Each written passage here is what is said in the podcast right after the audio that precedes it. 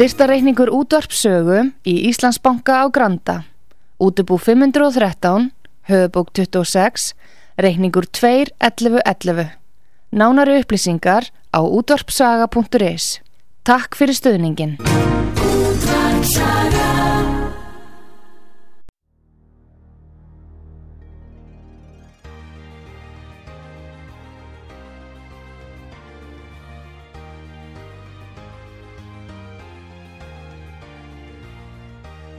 Heimsmálinn í umsjón Pétur Gunnlaugssonar. Fréttir og fréttatengt efni af Erlendum Vettvangi.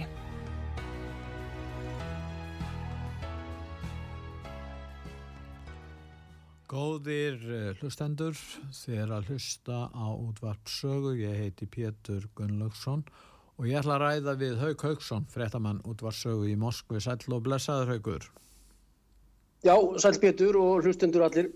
Nú við ætlum að byrja á harmleiknum, þessum harmleik í hérna á gasasvæðinu og, og vopna hlýjar rofið og Ísraelsmenn eru ekki engöngu núna að sprengja norðursvæðið, heldur hafa kvart gasafólkið að fara söður en núna er farið að regna sprengjum yfir það svæði og þannig að maður spyr haugur hvert á fólkið að fara, ég skil það ekki. Það er alveg rétt Petur að þetta er harmleikur mikill og dragið því á erendum álum og, og Egiptarnir, það er, hérna, er landamærastöð, checkpoint, svo kallað við Egiptaland sem að fólki er ekki hlift inn eða framhjá nema erlendum ríkisborgurum og, og það eru arabar með sænsk vegabreyjabel. Já sem er með herkjum komast yfir og það er greinlega bara, þetta eru 2,3 tæpar 2,5 miljón sem eru þarna og það eru búið að drepa þarna núna 15.000 palístinumenn 8.000 börn næstuði og enginn segir neitt við þessu og þetta á greinlega að halda áfram og Netanyahu og líkútbandalæðið og hans uh, stjórn og herr og herráðið í Tel Aviv ætlar sér Já, þeir segjast alltaf að drepa og ganga millir bóls og höfus á Hamas samtökunum en þá þurfa er vendilega að að ganga frá þarna, já, ég veit ekki, nokkur hundruð þúsundu manna og 15.000 látnir, 2.000 Ísraelsmiðn og 17.000 allt í allt. En hvað vilja, sko, nú er það þannig að ríkistjórnar á Vesturlandum stiðja Ísrael. Ég, það er nú almenningur, klófinn, það er almenningsáliti er nú að snúast gegn Ísrael virðist vera, en ríkistjórnar á Vesturlandum og sérstaklega bandaríkinn Nú ég heyrði í, í vardamálar á þeirra bandaríkjana og varafósittanum og þeim líst ekkit á þetta. Þeir eru að hvetja einlega Ísraelsmenn til að fara vallegi í þessum málum vegna þess að þeir sem eru vinir Ísraels ætti að gera sér grein fyrir því að ef þetta heldur svona áfram þá getur verið að, að Ísraels ríki eigi eftir að skadast veruleg og er það ef, út af þessari stefnu þannig að vinir þeirra ætti að reyna að benda þeim á það að að, að þessi aðför og aðganga gegn eh, palestínumönnum á Gaza hefur farið út fyrir eðlilegt, allt sem getur kalla eðlilegar hérna aðtapnir og, og, og allaga. Hvað segir þú það? Er það ekki nátt? Já, já, ég hef þetta alveg rétt og, og uh, mönnum ofbýður held ég á Vesturlundum og þeim sem að hafa hingað til stutt í Ísraelsmenn skilir þess laust nokkurnu eina því fólki ofbýður og er, er kannski farið að breyta svona um tón og fréttastofur og aðrir og segja frá þessu kannski með þeim, þeim hætti. Já. En alltaf Európandalagið Ólaf Sjólds og Úrsuna von der Leyen og fólki í Bryssel og Berlín á, og allavega bætin ennþá og Blinken alltaf sem að er hann segir I am Jew og ekki I am American Jew og bara viðkenni það og allt í góðu með það. Að það er fólk sem ætla sér greinlega bara að halda þessari stefnu áfram og ef að Netanyahu, Benjamin Netanyahu hefði ekki hennar stuðning hvað var þar olju, vistir eh, sprengjur, sprengjumagn og vopn og, og diplomatískan stuðning þar á meðal í saminni þó að það myndi hans líkutbandalag og flokkur hans og aðrir hæja líklega áferðinni en þeir segjast alltaf að fara að gefa í núna eftir þetta varð sjötaga af opnarli og fangaskipti sem, að, sem betur fyrr tókst að framlengja um þrjá sólarhinga í e, Palestum en hafa farið fram á lengur en það var alveg greina að teki fyrir það í hjá Ísæðismönnum og þetta er stór hættuleg stefna eins og þú segir held ég betur að, að e, fyrir Ísrael, fyrir Ísrael? Fyrir ímynd Ísrael Já, fyrir Ísrael. En þegar 1994 til 6 þá verða að tala um tveggja ríkja lausn. Með að segja bústjórnin talaði um tveggja ríkja lausn. Uh, þannig að menn voru en það hefur aldrei verið gert neitt í þessu. Það hefur verið talað um tveggja ríkja lausn en það hefur ekkert gerst. Á sama tíma og ekkert hefur gerst þá hafa þau landsvæði sem að uh, palestínumenn ráða yfir farið símingandi og það rá ég við þetta Núna sjáum við þetta svæði þarna í Gaza en líka vesturbakkanum ef við skoðum myndir af uh, því svæði sem að palestinumenn hafa yfiráð yfir þar á meðal vesturbakk þá er þetta svo lítil svæði. Það var alltaf hægt að tala um að hægt sé að reysa tveggja eða tvö ríkið þarna vegna þess að ríkið Ríki palestinumann er í raun og veru ekkert yfir á það svæði. Og ég var að skoða myndir allt frá 1917 frá því að Mal Balmor samkómulæð eða yfirlýsingin réttar að sagt var gefin út. Og til dagsins í dag og, og í raun og veru er svo lítið svæð eftir fyrir palestinumann getur það verið að Ísraels menn ætli bara reynilega að reynsa þetta út og, og ætla að styrja þess að Evrópa og Jordania og og Líbanon og, og Egiptaland taki við uh, því fólki sem eftir verður þarna í Palestínu eða, eða Ísrael eins og, eins og það verður kallað í framtíðinu. Já, já, stór Ísrael sem að mun stækka og á, á kostna vissulega palestinumannina eins og þú segir alveg og Vesturbakkin er náttúrulega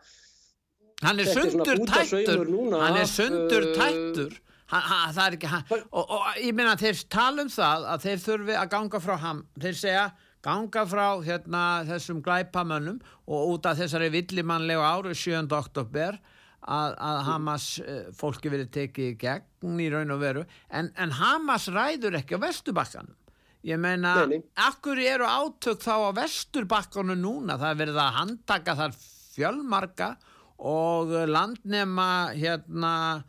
landnematnir og, og Ísraelsmenn eru að taka fleiri og fleiri svæðar eins og þeir sé í skjóli þessar átaka að nýta sér þá stöðu. Og akkur geta menn umborið þetta? Ég minna það er uh, hva, hva, hvernig er hægt eiginlega að stöðva þetta? Eins og þú segir að þá byrjar þetta 7. oktober á þann lögadagsmorgun á gasasvæðinu en þýr hafa núna farið með bæði hernaðar og svo lögurlega að gera svo kallar inn á Vesturbakkan Já, sem ég... er eins og búta saumur núna af landnema eða landtöku eða landránsbyggðum vegna þess að það er brota öllum alþjóðasamningum sem að þessir svokallu landneimar er að leggja undir sig og íta palestinmönnum í burtu og þeir eru með rétt smá svæði í austur Jérúsalem, Ramallah sem er svokallu höfuðborg palestinuríkisins en það er ekki neitt af þessum vestrannu ríkjum sem hafa verið, sem hafa garantera skulum við segja, þetta er eins og Úkræna núna sko, eins og Gynir Vógi og aðri góður menn er að benda á. Öll þessi svík vestrætna diplomata gagvart í þessu tilfelli palestinu þúðuna vegna þess að það hefur ekkert verið gert af Vesturlöndum, þá er ég að tala um NATO-ríkin, bandaríkin fyrst og fremst og svo nú náttúrulega Evrópa-sambandi sem að veikum eftir er þeirra diplomatíja er, er, er eh, já, slöku að þetta. Þeir hafa ekki gert neitt til þess að þessi tveggjaríkja laust sem að byrja 78 hjá Jimmy Carter og, og eh, hérna Yasser Arafat og svo koma Ísraelsmennir Svo er það 93 þegar Yasser og, og Itzhak Rabin skrifa undir Já. í Oslo. Já. Það verður ekki neitt verið gert öll þessi 30 ár til þess að þessi tveggjaríkja lausn yrði að vera líka. Ekki nema bara undirskriftir, handtök og bla bla bla og svo er lift kampavinni eftir undirskriftir. Hvort sem það er í Oslo eða Camp David í bandaríkunum. Nú myndist á Þannig... Grein Geir Vóge sem er nú pastor emeritus, hann segir sko að misksfríðarsamningurinn var staðfestur í öryggisráði saminu, eh, til dæmis hann er að tala um hann reyndar um, um það líka hann er að tala um Úkræni, við getum komið að því á eftir.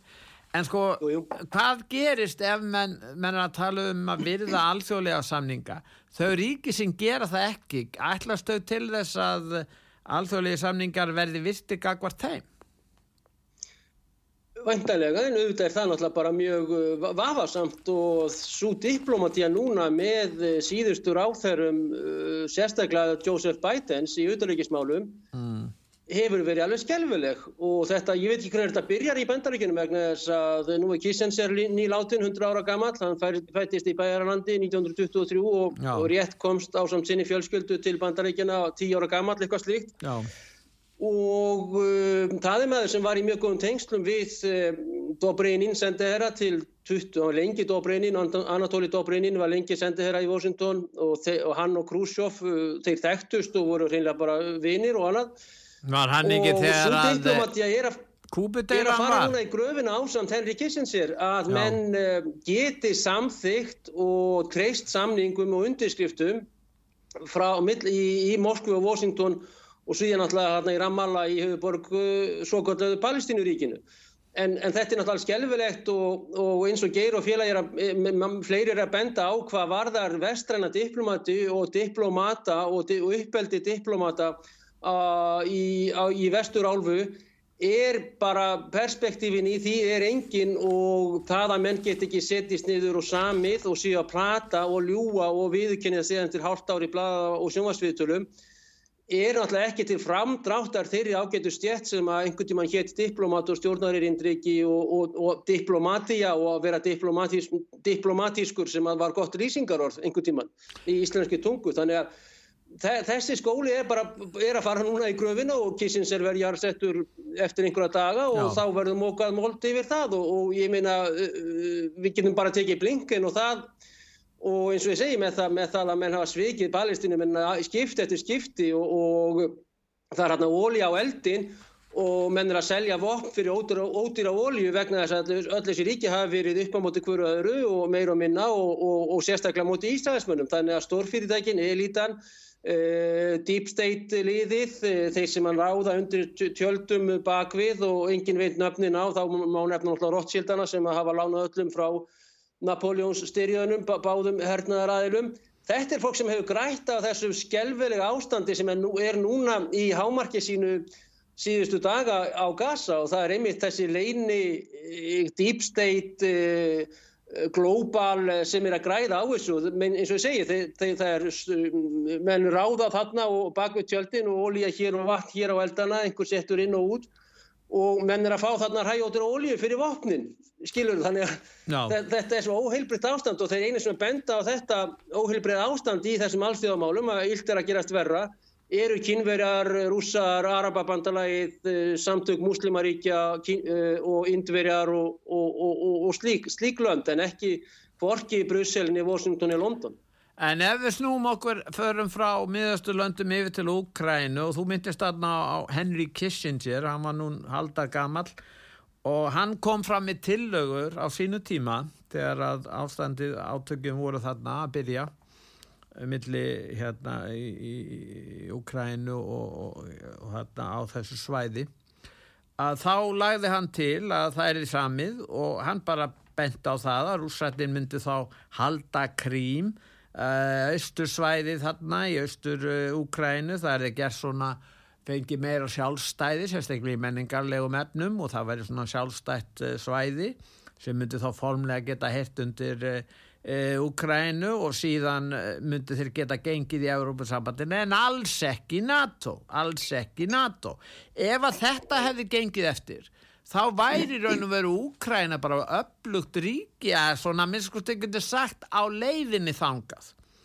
En það var ekki hlusta á þetta og þú myndist á, á Geir Voga hérna uh, það sem að hann er að skrifa grein meðal hans í mokkan og það er hann að benda á að gerðir voru fríðarsamlingar uh, tvísvar bæði í Minsk í september 2014 og, og mars 2015 við höfum talað oft um þessar samninga og þessi og samningar voru staðfestir í öryggisráði saminu þjóðana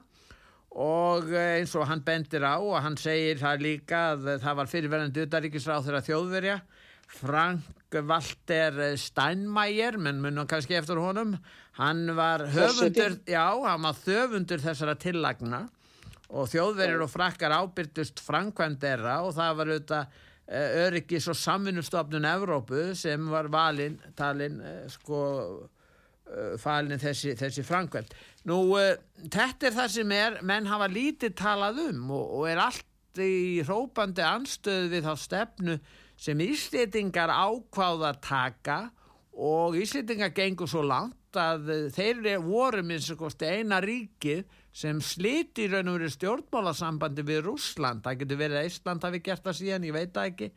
En, en þetta er allt mjög einkennlegt sérstaklega af hálfu íslitingar sem hafa haft svona sæmilag góð samskipti við rússana jafnvel og líka á sovjettímanum í kaldastrið Jú, jú, þetta er alveg rétt og Ísland er þarna í farabrótt og Ísland er í rauninni einast já, ríki sem að, já, ekki de júri en de facto hefur, já, loka sendiráðinu og núna eru tælendingar að skoða þá byggingu og, og fleiri góðir og við missum já. það alveg klárlega, mjög góð byggingnir í miðbæ. Þannig að uh, Íslandnir eru enda með samband og halda hérna opnum sendi herra og, og það er ekki sendi herra rúsneska ríkjasambandsins á Íslandi og ekki, ekki, ekki hræða hér í, í Moskvu. Þannig að Ísland í, hefur valið það að vera í farabróti einhverjar hluta vegna í, í þessari baráttu sinni gegn ja, rúsum og rúsneskum hagsmunum og rúsnesku stjórnarsamskiptum manna á, á meðal sem er náttúrulega einstakt. En hvað var að þessa samninga þá, þá er þetta mjög vöndu grein hjá, hjá Geir Vógi og hann fer yfir þetta og bara seinasti heiðalegi og góðu presturinn á Íslandi eða einn af þeim seinustu sem að hefur fríð á jörðu í, í, í frumkvæði. Sælir eru friðflýtjandur er það ekki þannig sem að stendur í? Þeir eiga að vera það, þeir eiga að vera það en það, það hefur ekki séð, séð hinga til og þeir eru meira í því að, að spilla ungdómi Íslands og, og stuðla að öðrum demografískum vondum málum þar að líðfræði líðfræðilegum uh, neikaðum hlutum fyrir land og þjóð En, en eins og hann segir þá er, satna, þá er, er uh, hann vittnar í David Arakami sem er, uh, var í samningarnefndinni sem viður kennið það að Boris Johnson og fleiri voru sendið fyrstir að Istanbul þarna á vegum uh, hans Erdogans og síðan er að Minsk 1 og Minsk 2 að Vesturlund og Biden býður Boris Johnson að fara til Kíf og, og banna ákrænumönnum sem voru tilbúinir að uh, semja frið við, við rúsa og það, eftir þetta þá uh, draga rússar allan sinn hér frá kænugarði, frá Kíf sem að þeir voru nokkur einn búinir að undir, hérna, umkringja frá, frá Kvíturúslandi sem er stutt yfir hérna í norðurinu og, og fleira en, en þetta var bara til þess að halda stríðinu áfram og svo er dregnir á asnæðiranum með Minsk 1 og Minsk 2 sangamáleginu. Þetta er allt mjög nákvæmt og rétt hjá geir og, og hérna bara mjög vöndu vinnubröðs sem að eru, sem að aðrir ætti að taka sér í, til fyrirmyndar, aðrir miðlar og aðrir og hann les greinlega mokkan og djöfaf og vísi mjög lítið og miklu meira aðra góða miðla eða, eða sjálfstæða. En þetta er bara, Pétur, þetta er bara eitt dæmigert fyrir eh, diplomatíu Vesturlanda að láta fólk halda áfram að drepa hvort annað í, í svoleiðis hundruða þúsundavís og sama þarna niður frá núna líka í stað þess að menn sittist niður og, náu samkúmulagi og í þessu tilfelli að þá hefði verið eh, federalisation sem sett á Úkrænu, hún hefði orðið sambandsríki með mikill sjálfstjórn uh, liðveldina í austri. Og spurning hvort þessi svokallu alþjóðilveldi, Lugansk og Donetsk hefðu þá uh, já, gengið úr skaftinu sem að alveg klárlega þau eru búin að gera og, og verða næstu nokkur hundruð ára alveg klárlega, fara aldrei aftur inn í Úkrænu eins og hún lítur út í dag og, og það þróta bú og svo bruna úttala sem heitir Úkræna, líðveldið Úkræna, Republic of Ukraine í dag, er nokkuð sem að, já, vendilega Vestur-Európa og Evrópusambandi þarf að taka á sig og með mjög lítillu og minni aðstof bandarækjamanna sem að núna eru eins og við spáðum reyndar uh, við spáðum því að þingið í bandarík kannarnir núna eru hægt og rólega að draga sig út úr þessum spili. Já sko það, það eru kostningar bætinn fórseti sem að já, segjast fyrir að leggja miklu meiri og alla áherslu á, á Ísraels, hjálp við Ísraels ríki. Já, sko Þannig að þetta er að verða bara þjóðar eh, ska, hérna, uh, harmleikur og katastrófa fyrir allt þetta fólk sem býr þarna austu frá í málum sem hefði hægt verið að semja um og semja sér út úr og, og halda við þá samninga öllum til góðs og Úgræna hefði getað orðið brúa millir austus og vestur í staðin fyrir núna er búið að reysa þarna hjálptjált skyrðingu og fjölskyldur sundraðar og ekki neitt gott um hvað var það framtíð þess ákvita ríkis. Nú þetta er auðvitað gífurlegur halmleikur fyrir Úkrænu en spurningin er umfangið. Nú e, eru upplýsingar ekki kannski nægilega örugar og áræðanlega sem berast á svæðinu. Uh, í fyrsta lagi þá var það nú þannig að Vesturlönd sem hafa auðvitað stött Úkrænu og mættu meðal hann syngað á, í hörpun á sínum tíma og, mm. og, og þeir hafa verið að halda því fram og, og niðurst, afstæðan er þessi og hefur verið eh, við munum styðja Úkrænu þar til þeir hafa rekið rússana frá austul hluta Úkrænu og frá Krím það er að segja þá að halda áfram að senda vopn og fjármagn til Úkrænu þar til því markmið hefur náð Nú liggur hins vegar fyrir að það mun ekki takast það markmið. Spurningin er þessi, eh, mun, er þetta tapað algjörlega fyrir Úkrænu og er í raun og veru, eru þeir í þeirri stöð að þeir geta ekkit endur þeir ætt fóri í þessa gagsók sem hefur ekki náðust. Þannig að, að þessi handleikur er þannig og spurningin er, menn kannski deilum það hver margir hafa fallir, við erum að heyra alveg gífulega háartölur og herskildan þarna í í Úkrænu með þeim hætti að það er hægt að í raunum vera að kalla flesta kallmenn, kannski konur og unga aldrei líka í herin. Og, og, og, og þetta fólk er að deyja þarna á vývöldlunum á, á þessum, á þessum, þessum hérna, skotgrafa hernaði þarna í austurlutanum og þá er spurningin hvað er hægt að gera eins og ég segi, ég meina eh, mun þetta ráðast að því að bandaríkja menn eins og þú tegir gefast upp? Þá gefast Vesturland upp og þá sitja þeir í raun og veru uppi með skadan Úkræna og, og, og, og það er ljóst að þeir ganga ekkert í NATO að þeir eru enföldu ástæða meðan að landamærin þarna í Östurlutanum og í Krím eru óákveðun og það gildir ó, ríkir óöryggi um þessi landamæri þá getur Úkræna ekki gengið í NATO og NATO myndi ekki vilja taka við Úkrænu með, með, með, með landamærin þarna í óvissu gagvart rússonum sem er kjarnorkuverdi það ég menna, ég skil ekki alveg hvernig þið rætta sér þetta, hvað heldur þú? Ég, ég held að þetta er alveg rétt að, að eins og Jens Stoltenborg sagði við Ítali núna um helgina að uh, we have to be prepared for very bad news from Ukraine, við þurfum að vera tilbúin já. Uh, í það að heyra mm. mjög slæmar frettir frá Ukraínu. Hann alltaf fær rapport og er rapportur að til hans af leinithjónustum og öðrum hvernig staðan er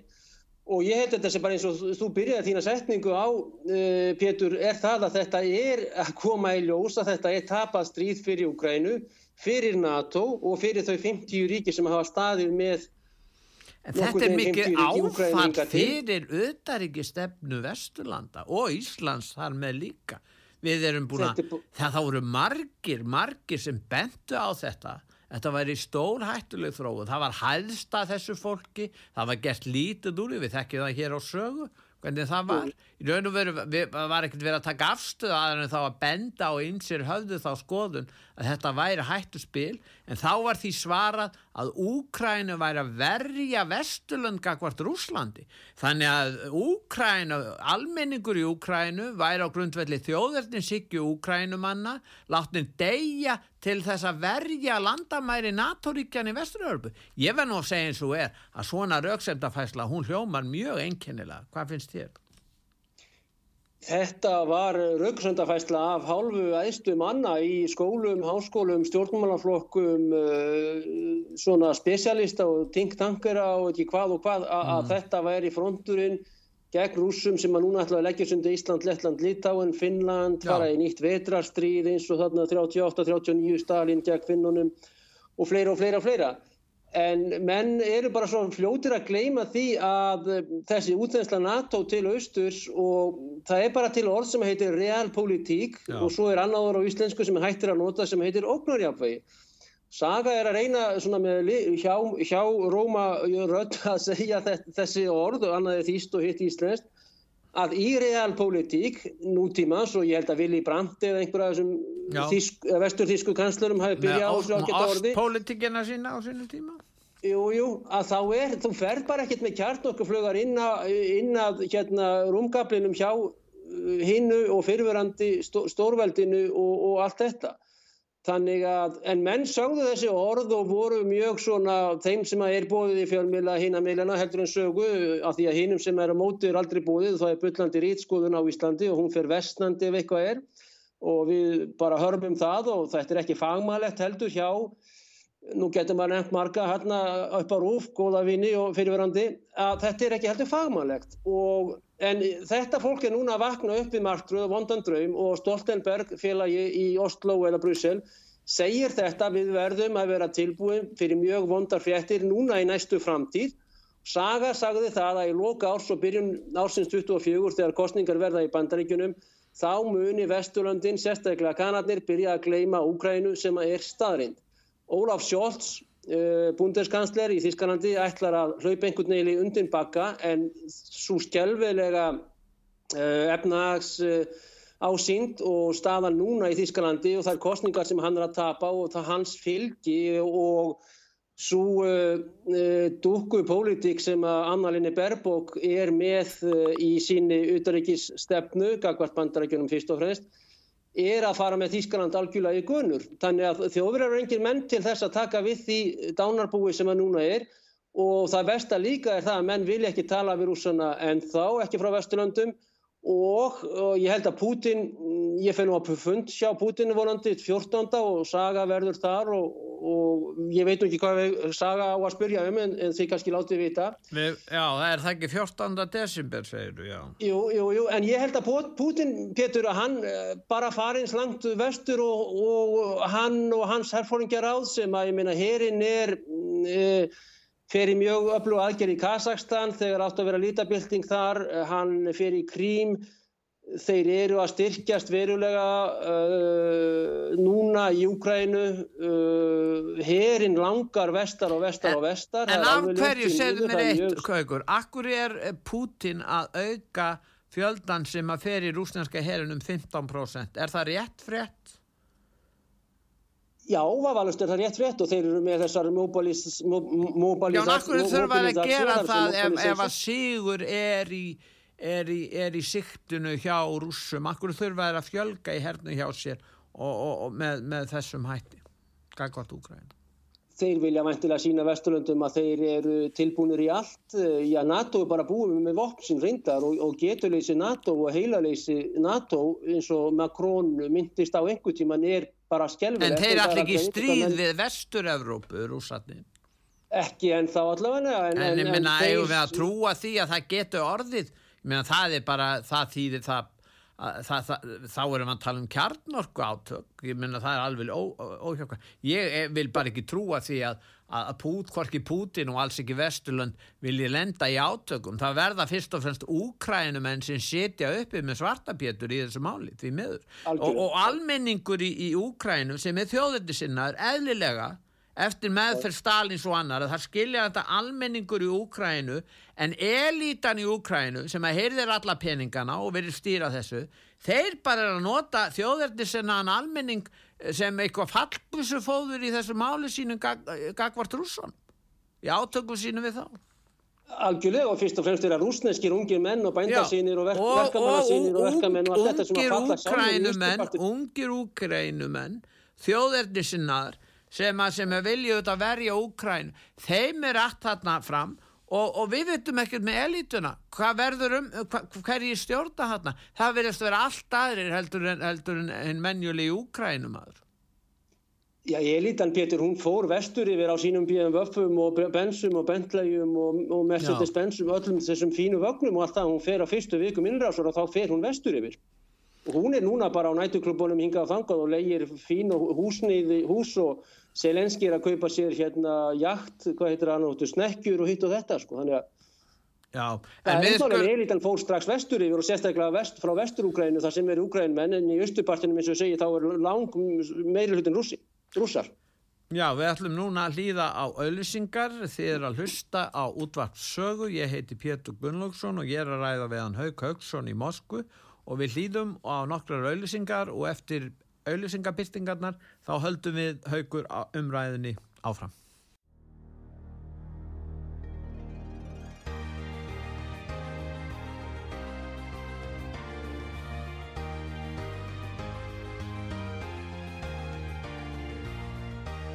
Heimsmálinn í umsjón Pétur Gunnlaugssonar. Fréttir og fréttatengt efni af Erlendum Vettvangi. Góðir eh, hlustendur, þið er að hlusta á útvart sögu, ég heiti Pétur Gunnlaugsson og ég er að ræða við hann Haug Haugsson sem er statun núna í Moskvu. Haugur, ef við förum að ræða kannski um það hérna, hvernig ástandið er núna í Úkræninu, nú kom það fram, kom það fram í frettum um helgina að Petro Poroshenko sem er miljardamæringur eða var það Hann er fyrverandi fórsiti, var fórsiti áður en að Selenski tók við. Og hann, hún var ekki hleft úr landi, hann var að reyna að hitta Viktor Orbán sem hefur ekki verið stuðningsmaður Úkrænu og hvað er að gerast þarna? Er hann að reyna að koma áleiðist þeim skilabóðum að reyna að ná einhverju samkómulagi eða er hann bara að flýja land með sínar egnir eða en landamæraverðir Úkrænu vantað undir stjórn Selenski þeir stöðva hann, hann er í raun og veru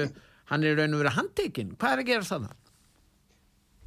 Já, hann var að reyna að komast yfir til uh, Ungverðarlands, hvort það var hérna í Úskorótt við Slovakísku landamærin eða upp í Karpatafjöllum þá er hann, er hann, hann á bíl og fínum bíl og annað og með fólk með sér og, og, og það er þeir sína honum plagg sem að hann eh, er einn ekki, ekki sáttur við Petro Poroshenko uh, súkulaði konungurinn og fyrirvændi fórseti í Ukraínu og meina honum að yfirgefa landi hann er komin í farban hann er að fara hann er í, hann... að reyna að hitta Viktor Orbán Já. sem er fórsættisráð þeirra uh, hérna, Ungverðarlandsnáttlega og er, er ekki hlindur öllu þessu látum. Nei. Og þetta náttúrulega bara bendir til þess að Selenski er að banna mm, já, Petro Barashenko Pjótur Barashenko að fara úr landi og þetta bara sýnir náttúrulega að það er eh, mikil innan lands og eh, mikil deilur núna komnir í stjórnmálastjættina í Ukrænu og, og þá gegn Petro Barashenko sem er náttúrulega mjög óvæntur leikur eða já, menn, menn hefðu nú haldið að hann fengi að fara og koma aftur í, í þáu ríkisins en, en Selenski, hvort hann er hættur við Parasenko eða ekki leipir honum ekki úr landi hann vann, uh, hann vann Petro Poroshenko í kostningum með talsverðum ja. yfirburðum en Já. þá er spurningi þessi haugur hvaða erindi á Petro Poroshenko til ungverja lands og ef þetta er saklust erindi eða hann bara bjarga sjálfum sér og vill ekki verða fyrir já hann telur að, að stríði sér tapað og hann vill bara koma sér og sínum undan að þá ætti ekki að stöðva nút af því. Hann lítur að vera ástæði fyrir því að verði þeirra að stöðva hann að hann fara úr landi. Og hvað getur það verið í raun og veru? Hafa rússatinn einhverja tilgáttur um það? Ef eitthvað komið fram í rúsnenskum fjálmiðlum um það sérstaklega Já, hvað var það kostningarnar 2019 og þá eru tvö kostningar lofart bara östuðt sem að Selenski vinnur kostningarnar á sérstaklega austurlutunum, það er fríður Já. og það að banna ekki rúsnesku og rúsnesk áhrif og menningu og slíkt. Sem að var gert. Poroshenko var á mótið þessu og Selenski vinnur út af þessu. Já. En varðandi sína spurningu beint Pétur að þá uh, er greinlega verið að, já, Selenski er greinlega að reyna að koma honum nýður og vegna þess að hann hefur verið talsvert uh, sjálfstæður bæði í skoðunum og aðgerðum, hann Petro Poroshenko er öflugun áhengi og, og var mjög hár, hár í í Salgjarteinsinaði, áttu vestmiður hérna austur í Rúslandi og fleira. Já. og er að reyna að sína sjálfstæðarpolítik og það er alveg lúst að hans politíski metnaður er ekki búinn og hann ætla sér þá í kostningar sem áttu eða það er spurning hvort það er verið 2024 en Selenski er að reyna að fresta þinn kostningum út af stríðinu og ætla sér að halda áfram. En, en það sem að geta að, að Selenski, Vladimir Selenski fórsett í Úgræðinu að hann reynda að gera mikinn karriér eða að koma að gera frama innan rúsneska ríkisjónafsins sem grínari og hann, ef að það hefði tekist að þá var hann núna einna bestu grínurunum í rúsneska ríkisjónafspinu og standa uppari og, og þetta en hann næri ekki þeim frama hvers, hvers vegna veit ég ekki en þá fær hann uh, bóðum að gerast fórsett í Úkræninu sem hann gerir og, og vinnur kostningarna eins og þú segir 2019 gegn Parasenko en með rússana hvað þeir halda um þetta, þeir halda það að, að, að það sé mikið innan uh, ríkis og undir, undir heima eða undir baktjálta fyrir gefuðu, baktjálta makk og, og annað innan Úgrænu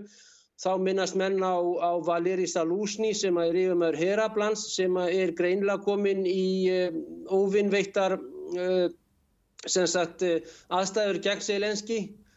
og uh, það er hugs, hugsanlegt að Salúsni, Valeri Fjóturovic hafi áhuga á því að gerast uh, fórseti og fara í fórsetan, fara í það, það, það er kostingar sem áttu að vera í sumar líklega.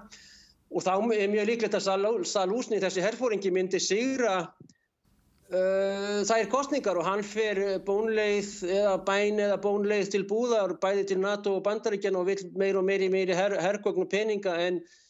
Salúsni kemur nokkur neginn lokum dyrum, náttúrulega því miður fyrir hann. Og hann vill auka stríðið og, og hjóla í þetta með öllum þessum mætti en,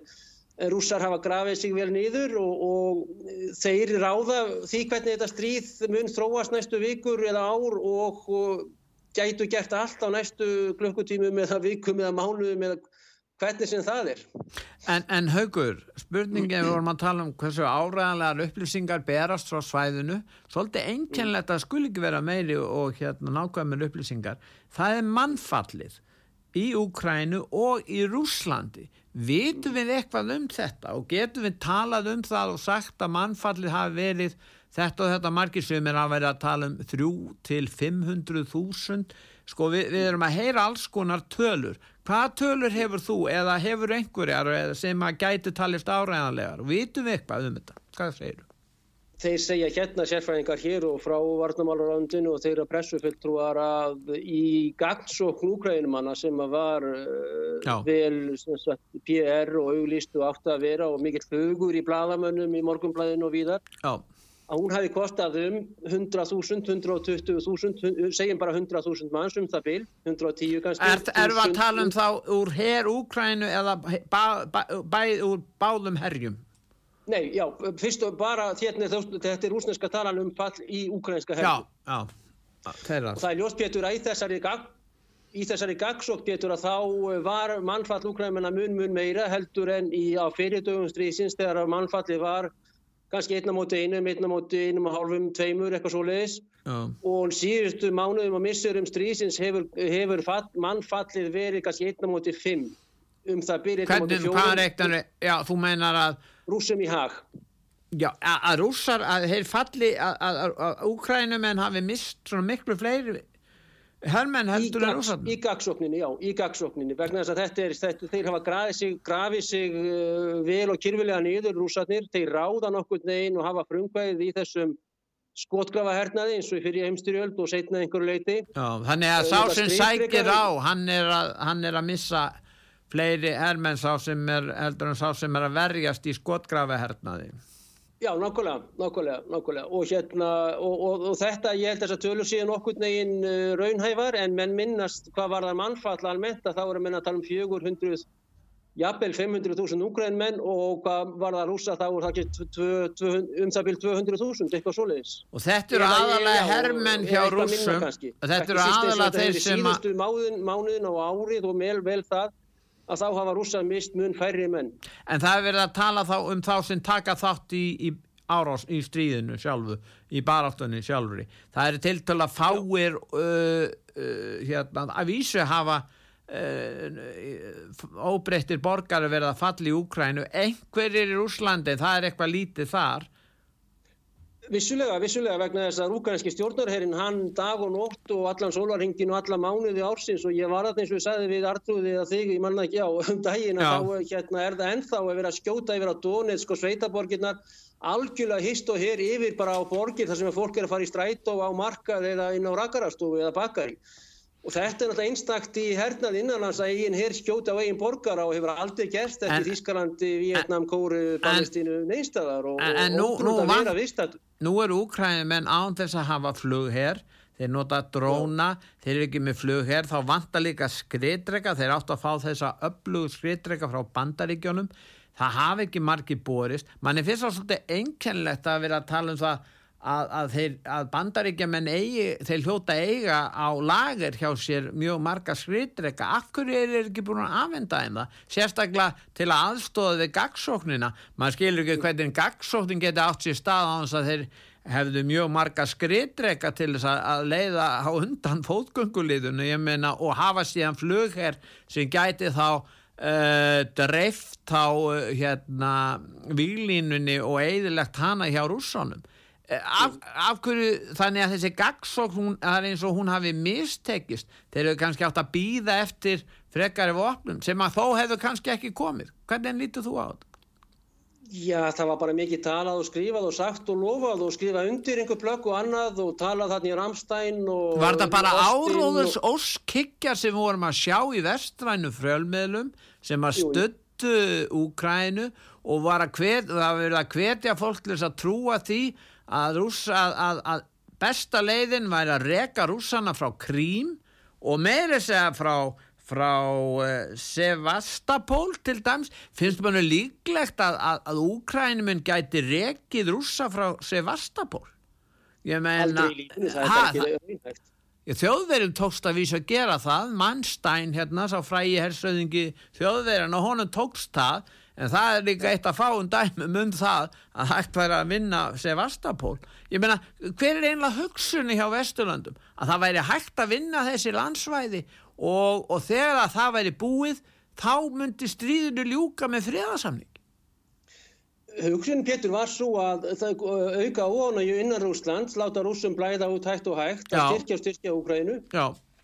og að koma á borgara, ekki styrjöld, heldur borgara óanægju innan Rúslands og, og civil dis disobedience sem er þarna borgarlega óhlýðinu og þetta.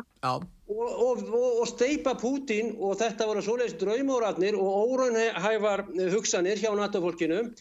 sem að gengu ekki upp og hafa algjörlega verið á hinbógin og styrt Putin frekar í sessi en draumatnir voru þeir að koma hér á uh, lauruglu aðgerðum, slagsmálum og kilvum gegn lauruglu og almenningi niður á Rauðardorgi, niður í Kreml og bara hinga á þanga sem er náttúrulega mikið og afbrugt virki í Kreml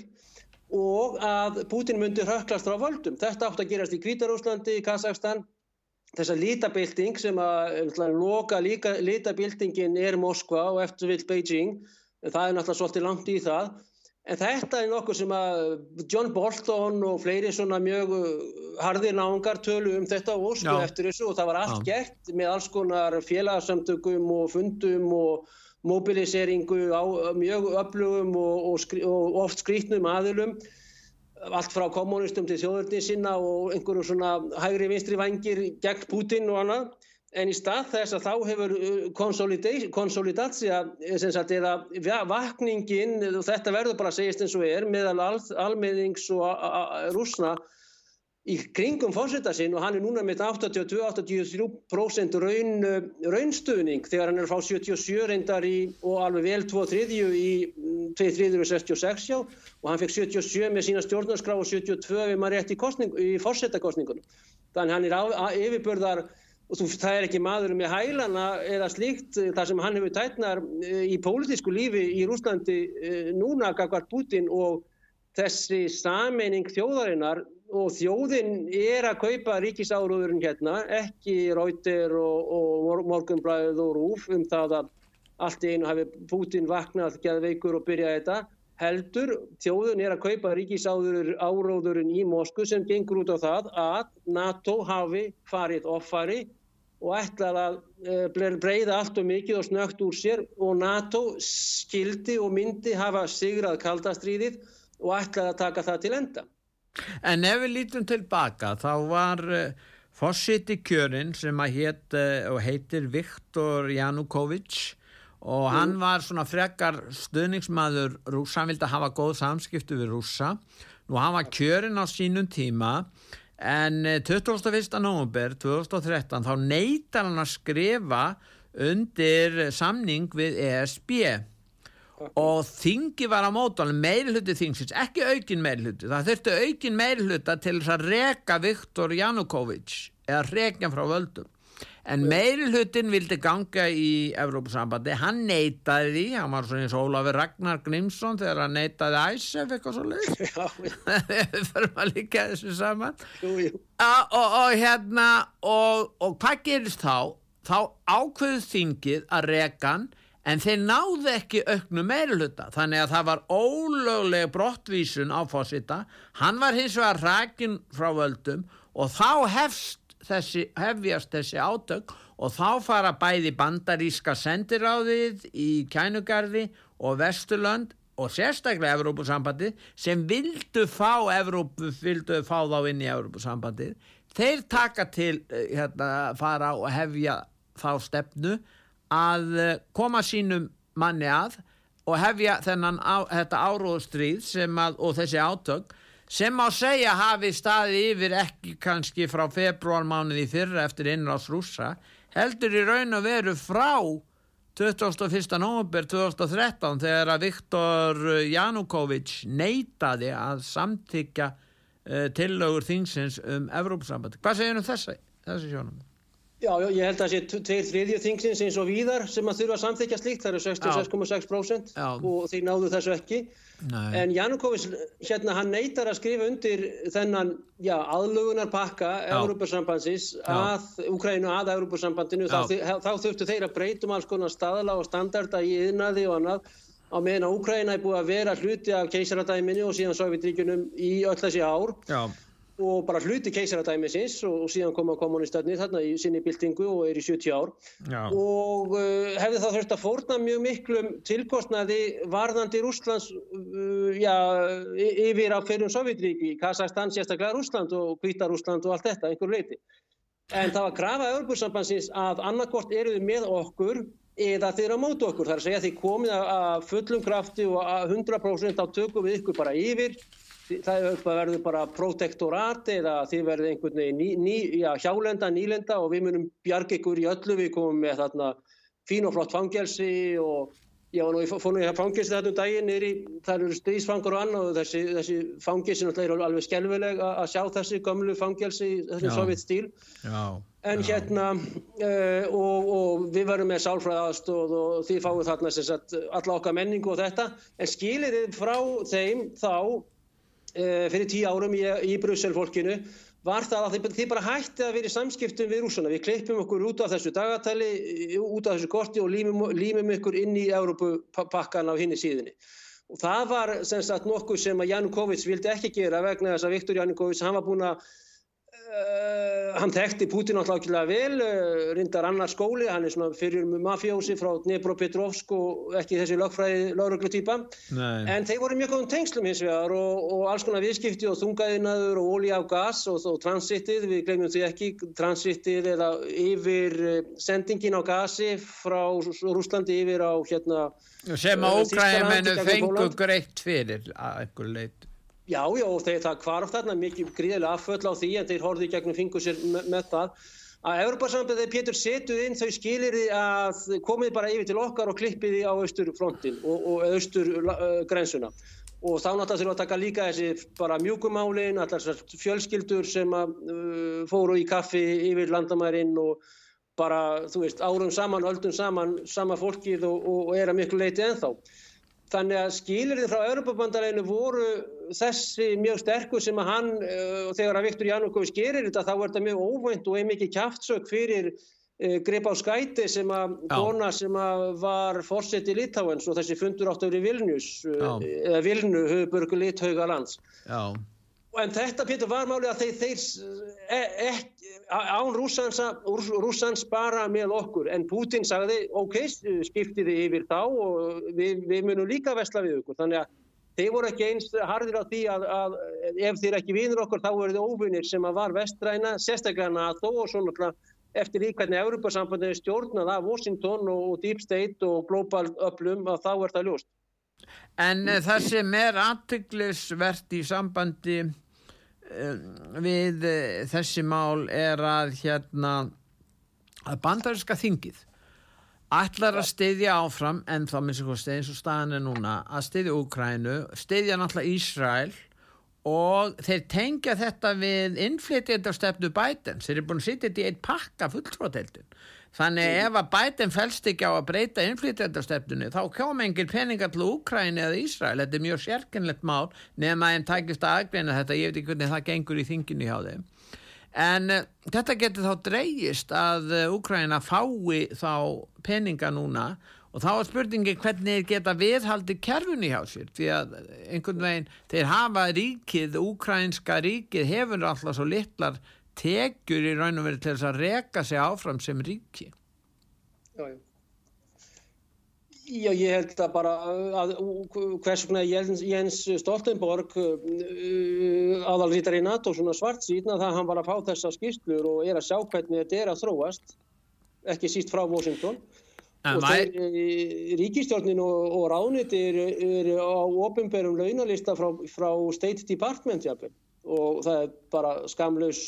staðreind að laun Selenskis og, og margra hans ráðgjafa og annara eru bara bytlingar frá Washington. Nú ef að bandarækjumenn sem er mjög margt bendir til, ekki síst á haustu komanda á uh, hérna næsta ári eftir ár, uh, segja uh, já bless við þá, þá er Európa-sambandi alveg klárlega ekki neitt aðili hvorki efnaðslega, móralsni annað, við þurfum ekki annað en að horfa núna á, á, á, á Haag, Höfuborg Hollands og Amsterdam er líka, einhver leiti og drottningin er þarna og allt þetta síðan Bratislava og Budapest og, og, og núna í, frá Sofíu í Búlgari og þá er fósettin, en reyndar ekki fósettisráþurann að segja það að við, við ætlum að hætta að senda þessi, þessi 30-40 ára gömur sovjísk Bratislava í Slovæki og svo Bulgaria líka og, já, já, já. þá vilju hafa þau hérna segir sánáungi, Bulgarin En sko það er kannski áður við ljúkuð þessu þá er Putin með fund blagamannafund 14. desember verður þú á þeim fundi? Ég ætla að vona það þó að spurning hvort að óvinnveitt ríki fái að senda sína fulltrúa en, en Já, þú meinar það Já, þú meinar það að það getur verið að þar sem að við erum ekki lengur vinaríki, ég veit ekki hvernig rúsandi líti á okkur eftir þessi slitt við þá, að þá gæti þú lendið til að komast ekki á þennan já, marathón bladamannafund, hann situr hann fyrir svörum í einhverja klukkutíma, er það ekki réttið mér? 6-7 tíma stundum og stendur ekki upp og neitt og það er spurning vegna þess að ég náttúrulega er borgar í Íslands í þessu tilfelli og fyrir íslenska miðil þannig að vegna rástafana íslenska diplomata þá er það spurning. Ég þarf bara að finna út úr þessu hjá mínum minni mannski hjá ránundinu hérna sem er En ef þú kemst á fundin þá verður með spurningar fyrir útvartsögu og, og sem að þú kemur fram með. Já, já. Já, það, Jónandi, það er bara spurning hvað hva, hva saga vil spyrja Putin Já, um það er kannski almenningur getur sendt hér inn til okkar spurningar og hvað er sem við þurfum menn vilja helst heyra frá Putin en, en þetta er svolítið merkileg svona marathón blagamannfundur ég hef ekki séð það hjá vestrænum stjórnbólamönnum að setja fyrir svörum í 6-7 klukkutíma. En hvað með önnu ríki frá, frá eða bladamenn frá öðrum ríkjum í vestur-Evrópu? Ef að það er erfitt fyrir til dæmis þig að komast inn á fundin er ekki erfitt fyrir þá að komast inn á fundin líka? Hverji verða þarna þá? Jú en það Jú Pétur en þeir hafa sagt, sett upp uh, ákveðnar uh, kategóriur eða ákveðnar flokka. Það eru lönd sem eru uh, óvinnveitt Rúslandi, hlutlaus Rúslandi og vinnveitt Rúslandi. Og þessi óvinnveittu löndi eru náttúrulega Ísland. Íslandi mjög hátt á þeim lista því miður, þöggs ráðneiti og ráð þeirra okkar, hvað sem að Bjarni gerir og, uh, og uh, það er settur stólinn fyrir dittnar fyrir þá bladamenn að ymsu leiti hvað var það lauruglumál og heilbriðiskoðun og einhverjar uh, plögg og, og, og spröfkur og læti sem eru sem sagt til þess að gera þeim lífið le, le, leitt og maður verður bara að taka því og